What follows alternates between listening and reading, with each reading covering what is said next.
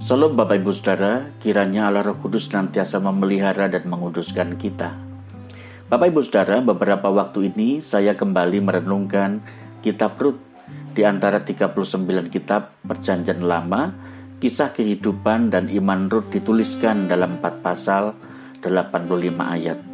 Dan yang membuat saya sangat terkesan adalah asal mula Rut yang bukan seorang Yahudi melainkan seorang perempuan Moab termasuk bangsa yang diserahkan Allah kepada Israel untuk ditaklukkan. Saya ingin membagikan perenungan saya secara khusus dalam Rut pasal 1 ayat yang ke-16.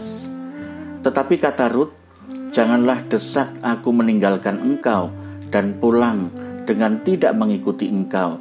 Sebab ke mana engkau pergi, ke situ jugalah aku pergi.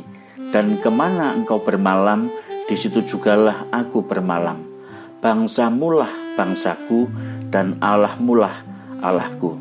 Sebagian dari pasal 1 kitab Rut menceritakan tentang keluarga Yahudi yang meninggalkan Yerusalem karena kelaparan dan menetap di Moab sebagai orang asing, yaitu keluarga Elimelek, nama istrinya Naomi dan kedua anaknya Mahlon dan Kilion.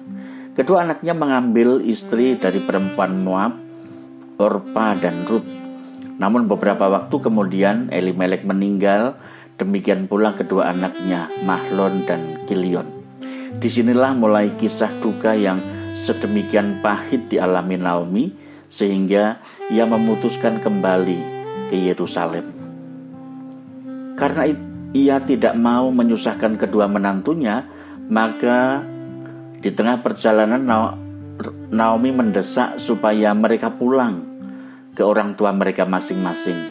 Orpa melakukannya, tetapi Ruth memilih untuk tetap mengikuti Naomi. Dan dari peristiwa itu muncullah pernyataan Ruth seorang perempuan Moab itu yang luar biasa. Bangsamu lah bangsaku dan Allahmu lah Allahku. Inilah pengakuan iman yang kokoh dari Ruth tidak hanya mengenal Naomi yang telah menerimanya sebagai keluarga orang Yahudi dan menjadi proselit, tetapi ia mengenal Allah orang Yahudi yang telah menjadi Tuhannya. Kisah-kisah selanjutnya diceritakan bagaimana Allah menolong mereka dan Ruth ditebus oleh sanak Naomi yang itu Boaz dan menjadi istrinya, kemudian melahirkan Obed yang menjadi silsilah keturunan Raja Daud juga namanya disebutkan dalam garis keturunan Mesias. Saya juga teringat pengakuan para murid di perjanjian baru Bapak Ibu Saudara. Ketika Tuhan Yesus menanyakan kepada mereka tentang siapa dia. Petrus menjawab, engkau adalah Mesias, anak Allah yang hidup. Di dalam Injil Matius pasal 16 ayat yang ke-16. Kehidupan di dunia terkadang kita bisa mengalami kesulitan dan berbagai penderitaan. Bahkan kita tidak tahu dengan pasti apa penyebabnya dan tidak ada jawaban mengapa hal itu terjadi. Namun satu hal, apa pun boleh terjadi dalam kehidupan kita, tetapi tidak ada satu hal pun yang akan menggoyahkan iman kita kepada Kristus.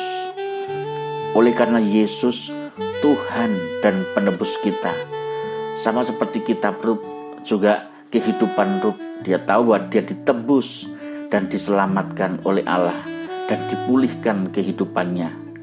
Bapak Ibu Saudara, melalui peristiwa ini saya diingatkan kembali apa yang ditulis oleh Rasul Paulus kepada jemaat di Roma. Khususnya Roma 8 ayat yang ke-35 dan Roma 8 ayat yang ke-39. Siapakah yang akan memisahkan kita dari kasih Kristus, penindasan atau kesesakan atau penganiayaan atau kelaparan atau ketelanjangan atau bahaya atau pedang atau kuasa-kuasa baik yang di atas maupun yang di bawah ataupun sesuatu makhluk lain tidak akan dapat memisahkan kita dari kasih Allah yang ada di dalam Kristus Yesus Tuhan kita. Apa pun boleh terjadi, Namun pengakuan iman kita, Yesus adalah Tuhan dan Juru Selamat itu tidak akan goyah. Biarlah melalui perenungan Rut ini kita dikembalikan kepada pengakuan iman kita. Bahwa kita adalah anak-anak Tuhan, tidak ada yang bisa memisahkan kasih Tuhan dari kehidupan kita.